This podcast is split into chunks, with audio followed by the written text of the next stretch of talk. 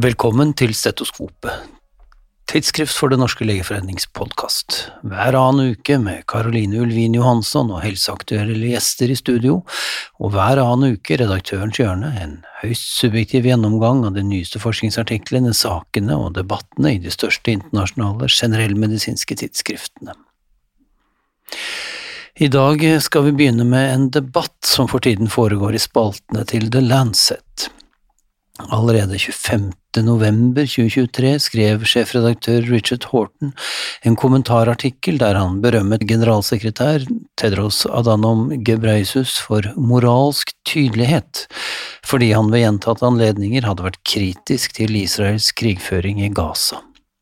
Gebreyesus hadde allerede tidlig krevet eh, hastetiltak for å beskytte sivile helsearbeidere og helseinstitusjoner under krigen, og 10. oktober, da Israel eskalerte angrepene mot Hamas med omfattende drap på sivile, krevde han citat, tilgang til helse og humanitær assistanse og en slutt på fiendtlighetene som forårsaker utallige lidelser. Citat slutt. Hortons støtte til Gebreisus har kanskje ikke uventet møtt motstand i flere innlegg, og for så vidt møtt også støtte i flere mot-mot-innlegg, og nå, 16. februar, skriver Rafael Beyar og medarbeidere fra ulike israelske helseinstitusjoner og universiteter at oppfordringer om moralsk tydelighet manglet noe vesentlig, nemlig innsikten i at Hamas sitt mål er en fullstendig destruksjon av den israelske staten, og at det var Hamas som brøt den våpenhvilen som FN nå krever ved sitt bestialske angrep 6. oktober. For oss er denne kampen eksistensiell, skriver de, og avslutter med et håp om at eh, denne konflikten vil bringe det palestinske og israelske folket nærme hverandre. Mon det. På motsatt side står nok Mishal S. Khan og Alu Takon Tinua, som i en debattartikkel samme dato påpeker at Det internasjonale domstolen 26.1.2024 krevet at Israel må forhindre sine styrker i å begå folkemord mot palestinerne og tillate humanitær hjelp til Gaza. Denne kjennelsen, skriver de, er den siste i en rekke uavhengige organer som uttrykker alvorlig bekymring om de pågående angrepene på Palestina. Likevel fortsetter noen helsepersonell å rettferdiggjøre vold mot sivile, og mange helsepersonell og akademikere har blitt forhindret fra å komme med uttalelser på linje med uttalelsene fra Den internasjonale domstolen og fra FN. Mange helsepersonell og akademikere, skriver de videre, blir tvunget til å moderere sin fordømmelse av grusomhetene som foregår i Palestina fordi de frykter karrieremessige konsekvenser. De blir angrepet både av sine kolleger og av sine institusjoner bare for å fordømme Israel, og hvem er nå forresten denne Alu Takon Tinua som skriver dette? Jo, det viser seg å være et pseudonym for en som nettopp frykter for sin karriere om hen blir kjent for dette innlegget i The Lancet. Og er det ikke noe rart med navnet? Jo da, aluta, det er nemlig et uttrykk, opprinnelig portugisisk, nå mest brukt i Afrika, som betyr motstand mot undertrekkelse. Om vi trekker det sammen, blir det altså aluta continua, som dermed betyr fortsatt motstand mot undertrykkelse. Er dette melodramatisk, eller er det reell frykt? Vel, det er bare å se til amerikanske universitetscampuser for å se hvor karriere og personlig ødeleggende det kan være i enkelte deler av verden, og overhodet ytre seg i denne saken, uavhengig av ståsted. Trist nok gjelder det tydeligvis også i våre medisinske internasjonale tidsskrifter. Mer politikk og helse. Som de fleste som ikke bor under en stein har fått med seg, stunder det mot amerikansk presidentvalg denne høsten. Yama skriver Anand Parek, og nei, det er ikke et pseudonym, eh, en interessant analyse av hvilke helsepolitiske saker som tydeligst skiller demokrater og republikanere i denne valgkampen. Økonomi og nasjonal sikkerhet vil fortsatt være de viktigste enkeltsakene i amerikansk valgkamp, skriver han, men helse er fortsatt svært viktig for mange amerikanske velgere, og her skiller de to partiene seg på fire sentrale områdene. Demokratene flagger særlig to saker. For det første betydningen av den såkalte Inflation Reduction Act, som skal ta ned prisene på viktige reseptbelagte medisiner for den jevne amerikaner. Republikanerne kontrer dette med å si at denne loven hindrer innovasjon på legemiddelmarkedet, og det er jo et argument man kan kjenne igjen også hjemmefra. Den andre saken demokratene er spesielt opptatt av, er kvinnehelse, nærmere bestemt retten til abort. Da kontrer republikanerne med at opphevelsen av Wade versus Roe har latt det bli opp til den enkelte stat å tillate eller forby abort, og at slik bør det forbli. Republikanerne på sin side er opptatt av at covid-19-restriksjonene gikk altfor langt, mens demokratene kontrer med at Biden-administrasjonens tiltak var det som fikk slutt på pandemien etter Donald Trump-administrasjonens altfor sene og altfor puslete tiltak. Og til sist er republikanerne opptatt av at USAs enorme overdosedødelighet henger sammen med ulovlig innvandring mens demokratene kontrer med at overdoser og ulovlig innvandring er to helt urelaterte saker, og at det pågår strenge tiltak for å få bukt med overdoseproblematikken. Fire områder der altså å se opp for frem mot presidentvalget 5. november. Dessverre kan vi ikke si vi gleder oss, uansett utfall. Vi skal holde fast ved et av de viktige temaene også i den amerikanske valgkampen, nemlig covid-19 nærmere bestemt såkalt long covid. Opptil 45% av alle som har gjennomgått covid-19 rapporteres å ha minst ett langtidssymptom, som fatigue, muskelsmerter, søvnvansker eller kortpustethet. Men kan noe gjøres, eller må man bare vente til det går over? Et online gruppetreningsprogram i kombinasjon med psykologisk støtte måte har nå blitt utprøvd i England og viser seg å ha forbedret den helserelaterte livskvaliteten ved long covid. Dette viser en originalstudie nylig publisert i British Medical Journal.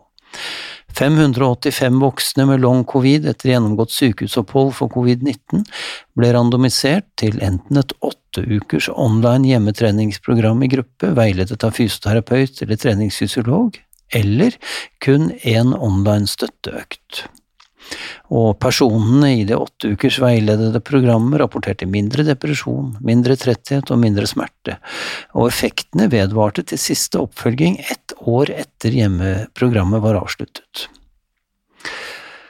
Funnene viser at individualisert nettbasert hjemmetrening ledet av fysioterapeut eller treningsfysiolog er trygt, skriver forfatterne av en korresponderende lederartikkel i British Medical Journal.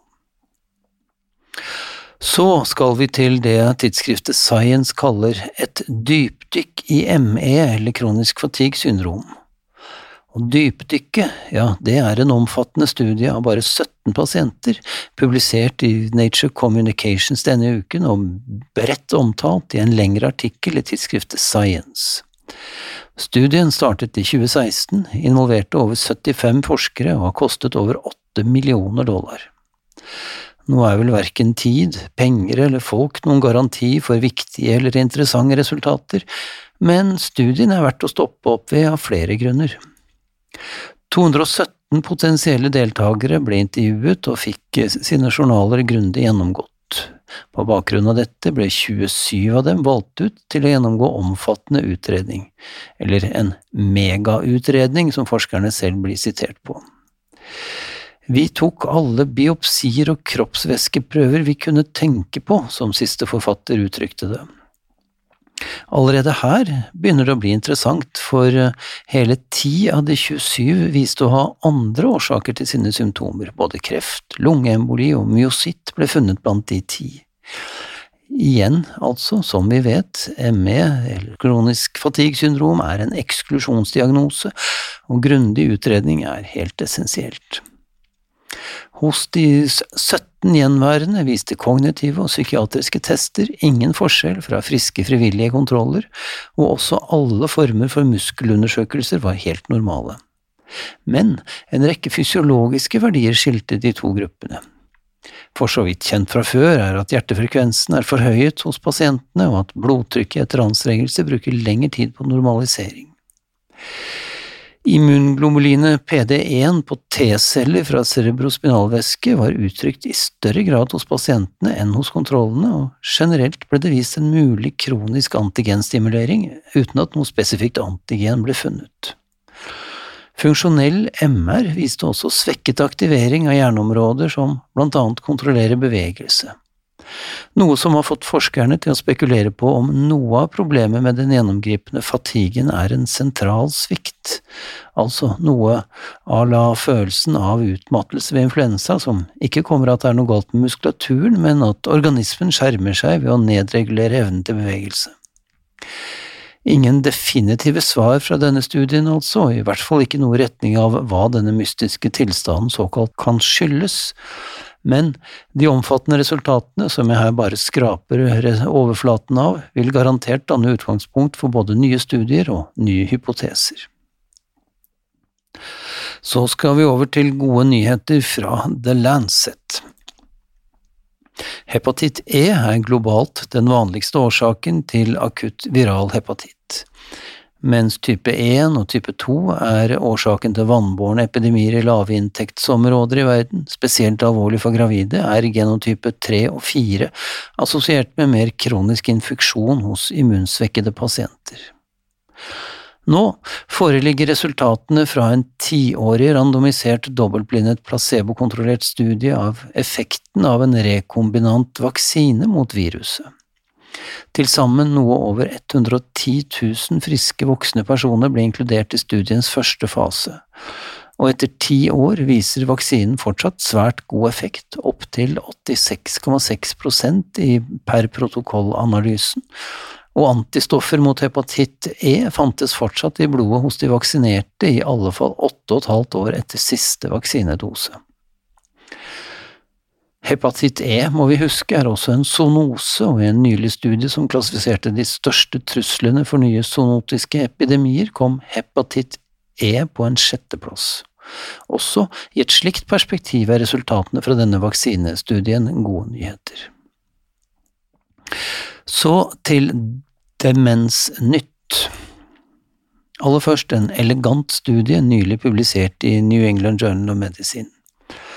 Eh, I en 20 år lang prospektiv studie hos i utgangspunktet friske voksne i Kina gjennomgikk en subgruppe cerebrospinalvæskeundersøkelser, kognitiv testing og hjerneavbildning med to til tre års mellomrom i hele 20-årsperioden.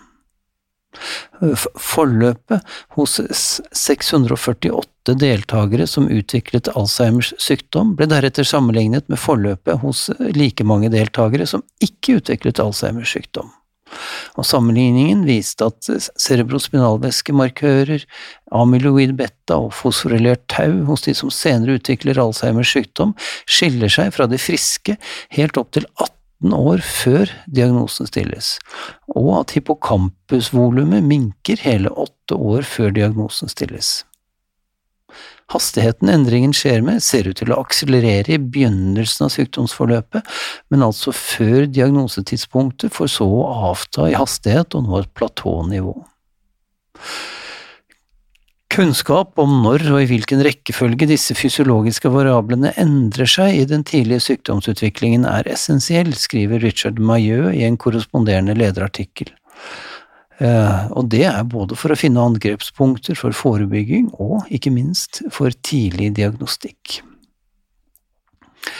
Så helt til sist i dag skal vi også snakke om Alzheimers sykdom. For menn som bruker Viagra, har mindre sannsynlighet for å utvikle Alzheimers sykdom. Det er den overraskende konklusjonen i en studie nylig publisert i tidsskriftet Neurology og omtalt i British Medical Journal. Forskerne bak denne studien analyserte reseptforskrivning til 270 000 menn over 40 års alder som ble diagnostisert med erektil dysfunksjon mellom år 2000 og år 2017.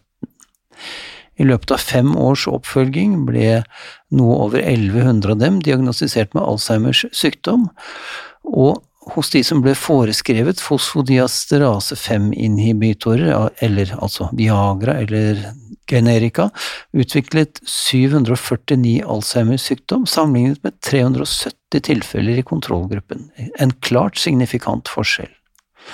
Og ikke nok med det, men mennene som fikk flest slike resepter utskrevet, de hadde minst sannsynlighet for å utvikle Alzheimers sykdom. Selv om det skal sies at faktisk bruk ikke ble registrert i denne studien, kun forskrivning, er resultatene svært interessante og bør bane veien for prospektive, randomiserte studier på bruk av Viagra for å se om sammenhengen er assosiativ eller kausal. Det vil ikke mangle frivillige til en slik studie, kommenterer British Medical Journal lakonisk, det kan vi vel være enige om. Vi høres neste gang.